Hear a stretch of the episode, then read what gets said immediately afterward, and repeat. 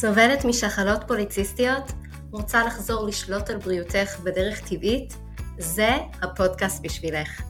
מחזור לא סדיר, כאבים, דימומים כבדים, רגישות לאינסולין, אתגרי פוריות, הפלות, סיעור יתר, השמנה בטנית ואקנה הם חלק מהתסמינים שאת יכולה לחוות עם שחלות פוליציסטיות. וזה לא צריך להיות כך. כאן בפודקאסט אנחנו נדבר על המניעים השונים שהביאו אותך לשחלות פוליציסטיות, נבין על מה זה יושב ומה אפשר לעשות כדי להבריא באופן טבעי. בנוסף נלמד כלים של שינוי תפיסתי כדי שכל התהליך יהיה מהנה, איך לעשות שינוי שבאמת יישאר כדרך חיים ואיך לגרום לשינוי להיות פשוט עם החיים המטורפים שלנו. אני מירי להב, מטפלת טבעית עם התמחות בשחלות פוליציסטיות, ואני נרגשת לתת לך את הכלים לצאת לדרך למסע מופלא, מהנה, טעים ושמח של ריפוי. מוכנה? בואי נצא לדרך.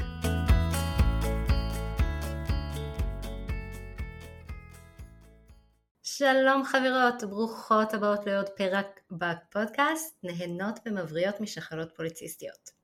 אז מה שלומכן ואיך עבר לכן ראש השנה? ישר מתוך ראש השנה הגענו ליום צום, אנחנו בצום גדליה, אז איחולי צום קל עצמות, והפרק של היום פחות יעזור לכן בצום של היום, אבל השבוע הבא מגיע יום כיפור.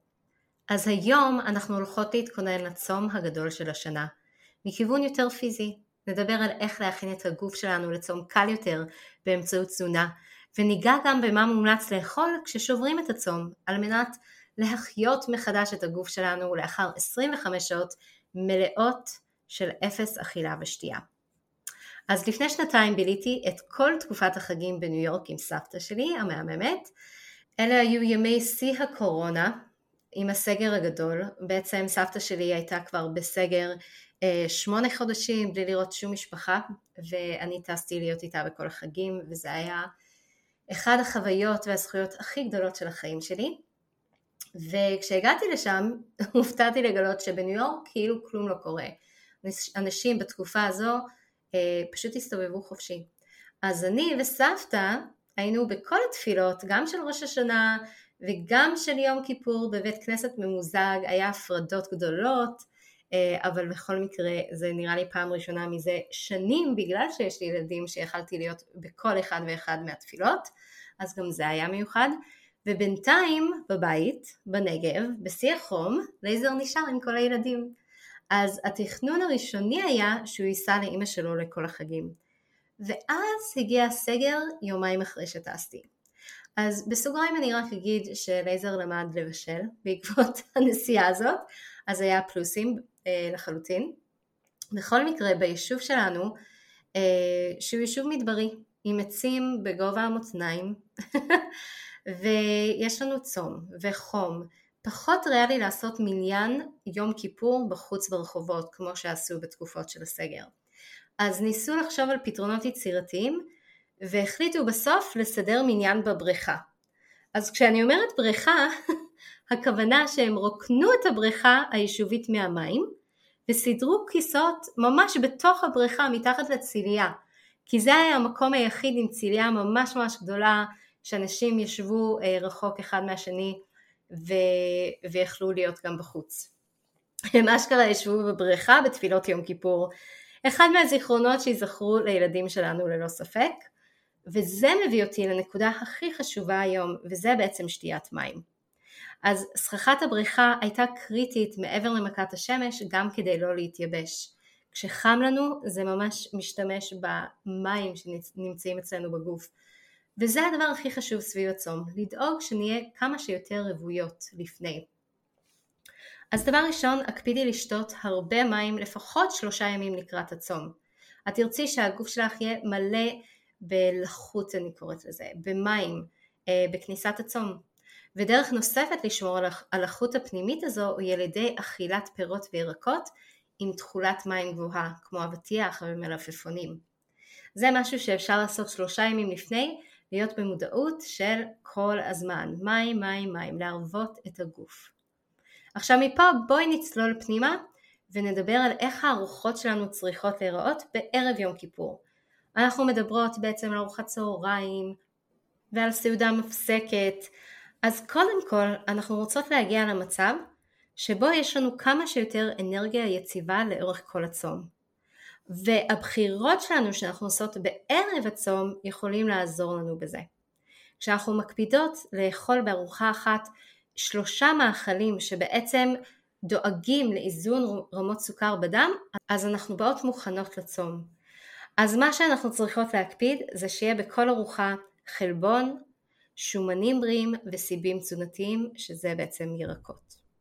זה יבטיח שלא יקפוץ לך רמות סוכר בדם ושלא יהיו לך קריסות בהמשך, שזה הכי חשוב.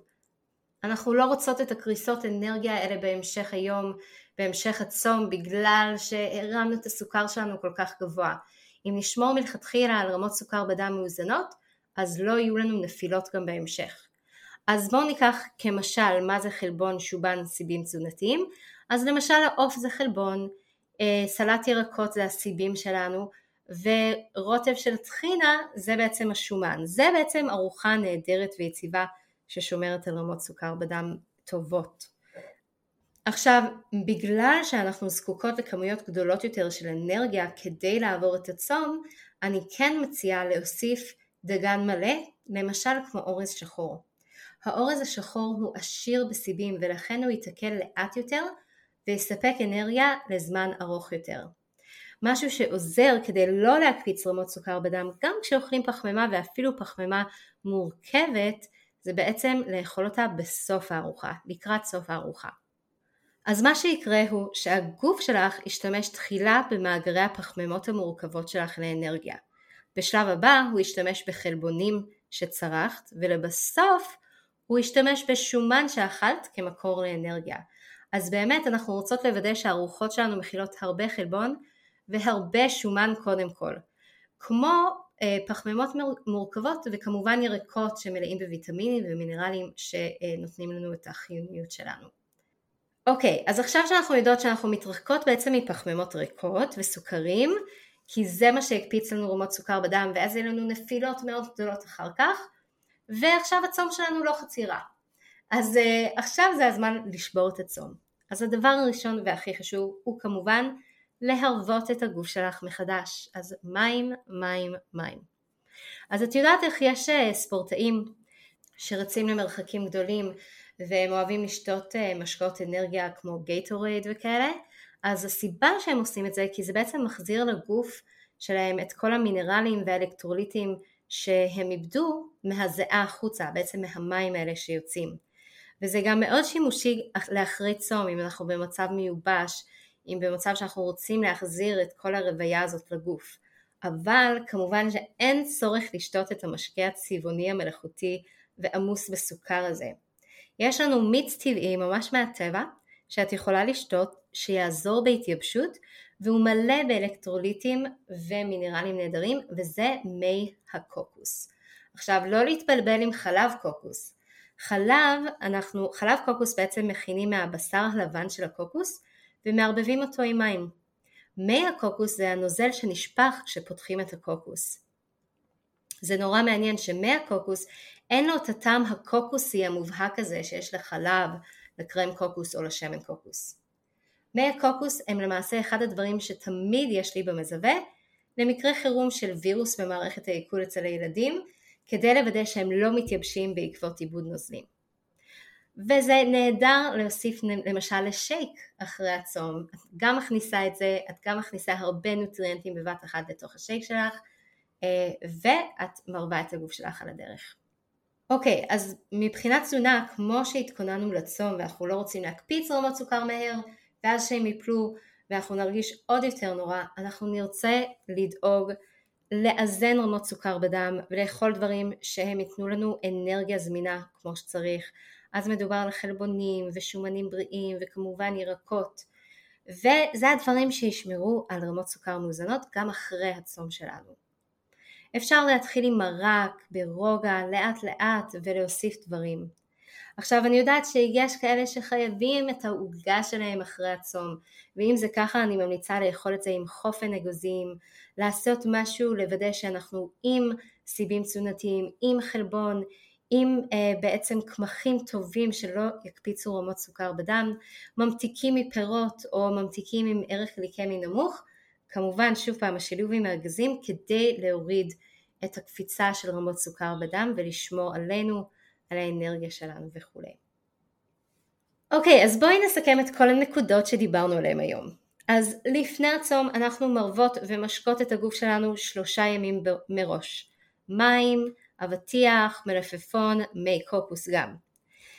ביום של הצום, בערב הצום אנחנו מקפידות לאכול חלבונים, שומנים, סיבים בכל ארוחה וגם מוסיפים פחמימות מורכבות בניגוד לפחמימות ריקות וסוכרים ואנחנו נוסיף את זה בסוף הארוחה כדי שגם זה לא יקפיץ רמות סוכר בדם וישמור על האיזון הזה. אחרי הצום אנחנו חוזרות להרוות את הגוף שלנו, מים, מי קוקוס, אנחנו מקפידות על ארוחות מאוזנות כדי לא להקפיץ רמות סוכר בדם ואנחנו מאזנות את המתוק שלנו בעזרת אגוזים כמשל. אוקיי יקרות, אני מאחלת לכולנו גמר חתימה טובה, צום קל ומועיל ומשמעותי. שבוע הבא אנחנו כמובן לא נפגשות כי זה יום כיפור, אז ניפגש בשבוע שאחרי, אז ביי בינתיים. אני כל כך נרגשת לספר לך שפתחתי את הדלתות לרישום לתוכנית הליווי המלא שלי חופשייה משחלות פוליציסטיות. אם את סובלת משחלות פוליציסטיות ומרגישה לא בשליטה, אם את חווה הסתירויות וכאבים במחזור, קושי בכניסה להיריון, השמנה, אקנה, סיור יתר או נשירה, אם את מרגישה מנותקת מהגוף שלך ולא מצליחה לעשות סדר בכל המידע, את לא יודעת מה נכון לך לאכול כדי שהגוף שלך יוכל להיכנס למצב של ריפוי, וכבר ניסית הכל ואת מפחדת שוב להתאכזב. אני קוראת לך להתעודד, כי אנחנו הולכות לעבור יחד את כל האתגרים ולהביא את הגוף שלך למצב של ריפוי.